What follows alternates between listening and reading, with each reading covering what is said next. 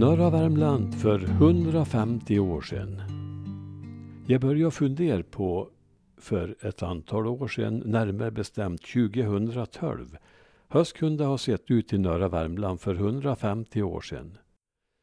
Jag råkade ha en del antecknat, lite uppgifter ifrån tiden runt 1862 och nu ska ni få reda på också.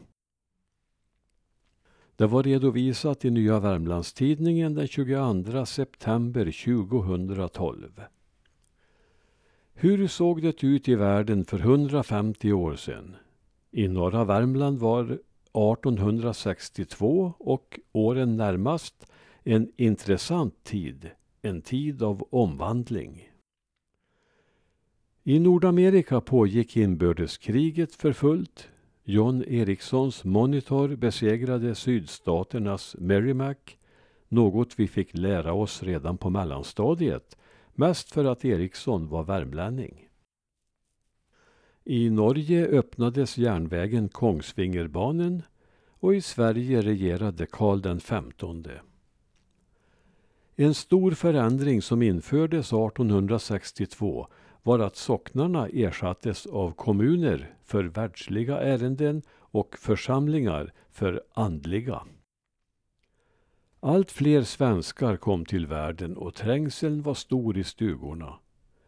I nordligaste Värmland ökade dessutom befolkningen dubbelt så mycket som på värmländska landsbygden i övrigt. 1800-talets stora befolkningsökning berodde enligt Esaias Tegnér på tre faktorer, nämligen freden, vaccinet och potäterna. Men, tänker jag då, skulle då dessa ingredienser finnas i större utsträckning just i norra Värmland? Hur fick nu alla nya människor plats? Ja, de fick inte plats. Torpstugor växte upp tätt i utkanten av byarna där många medellösa och även bondbarn som blev utan ärvd gård fick nöja sig med denna enkla form av levnad. Men inte ens torpsystemet lyckades ta hand om alla nya människor utan många såg sig tvingade att emigrera. USA blev räddningen för många och utvandringen dit ökade drastiskt framförallt efter det amerikanska inbördeskrigets slut 1865. Den första kände utvandraren från norra Värmland till USA var den 36-årige torparen Mattes Danielsson från Höljes som flyttade med fru och fyra barn redan 1850 de skulle få många efterföljare. Andra flyttade mot öster och mot norr. De som blev kvar levde ännu mest av jordbruk och boskapsskötsel och Säterbruket var på väg mot sin höjdpunkt. Arbete i skogen blev en allt vanligare sysselsättning. Järnbruken erbjöd en alternativ sysselsättning men där började konjunkturerna vika. De järnbruk som hade anlagts i Femtan och Likan ett tjugotal år tidigare lades ner 1862 och om några år skulle det stolta Letafors bruk gå samma öde till mötes. En ny industri, fast i lite mindre skala, var nystartad. Det var bryggeriet i Västby som anlades 1860 och som skulle bestå i närmare hundra år. Gammalt och nytt blandades. Dalbys gamla storbönder gick klädda i sina gammaldags vadmalsrockar samtidigt som man kunde märka hur byggnadsstilen sakta började förändras sedan arbetsvandrarna tagit med sig idéer utifrån. De gamla enplans parstugorna på de större gårdarna fick påbyggd övervåning, något det knappast fanns behov av. Det behov som fanns var kanske böndernas vilja att visa att de hade det gott ställt och att de ville övertrumfa grannarna. Pengar hade nu flutit in i gårdarna sedan stora skogstrakter sålts. Låt vara till förfärande underpriser. Och något skulle ju dessa pengar användas till. Bygatorna var kringgärdade av gärdsgårdar för kreaturens skull. Husen var timrade och grå. En stor omvälvning hade förändrat utseendet på många av byarna. Det var laga skifte som nyligen genomförts och som innebar att många helt enkelt fick riva sina hus och flytta dem till annan mark som de blivit tilldelade. Allt detta därför att tegarna genom generationers arv och delning blivit för små att bruka rationellt. I vissa fall fick bönder flytta sina hus från östsidan av Klarälven och bygga upp dem på nytt på västsidan, långt ifrån tidigare grannar. Så skedde i Uggenäs, Slättne och Tusta. För bygemenskapen måste detta ha varit på gränsen till katastrof. På grund av usla landsvägar utfördes tyngre frakter helst vintertid, gärna på den jämna älvisen. Myrhö hämtades från skogslador när vinterföret tillät.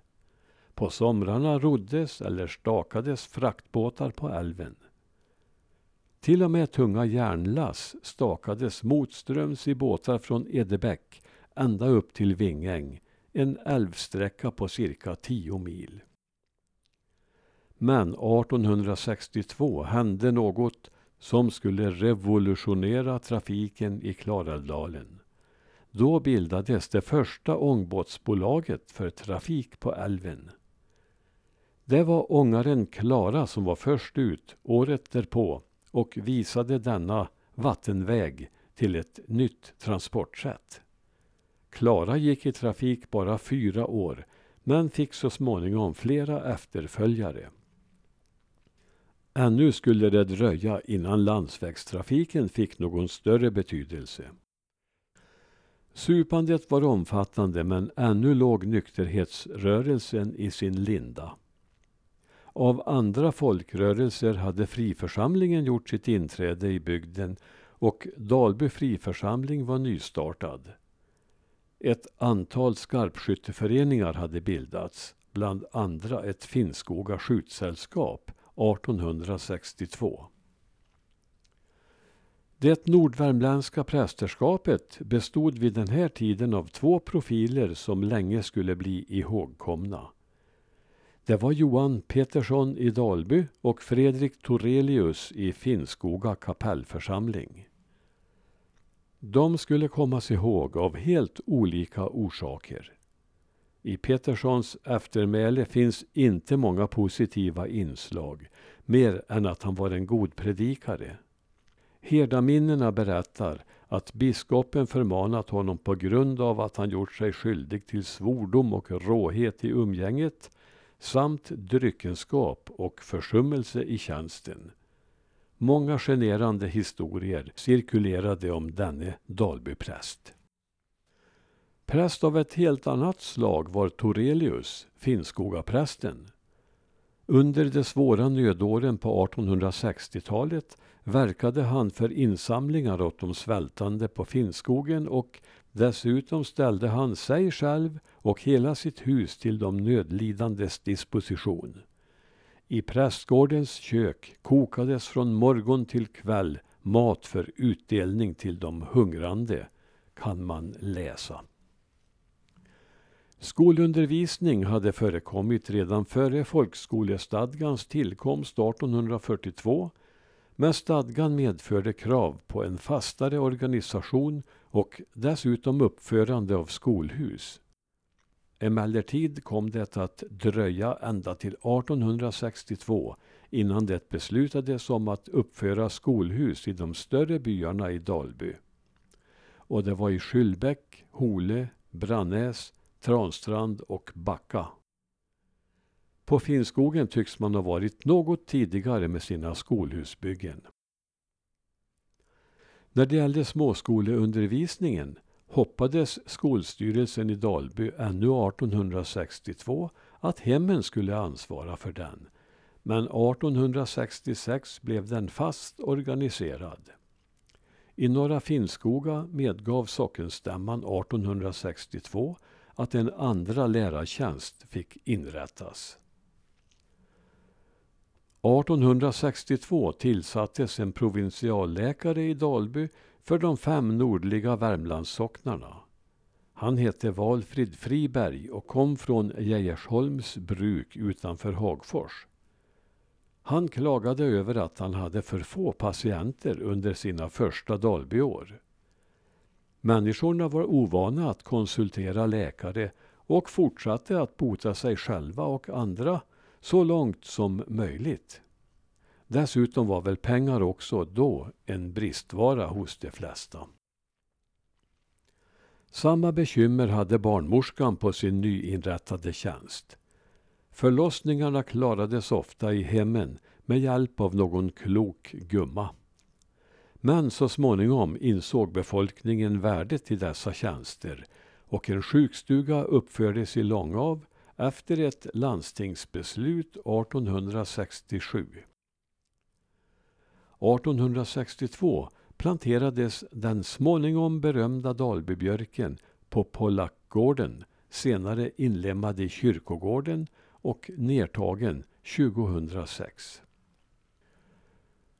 Och från denna tid förmäler den muntliga traditionen hur dalbyknekten Slättgubben knäppte rygg, eller brottades, med Karl den femtonde när denne var på inspektion på Axevalla hed.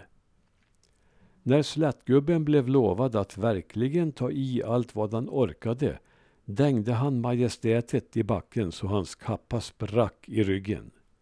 För sin uppvisning blev han belönad med en tvåkrona av denne Friskus till konung.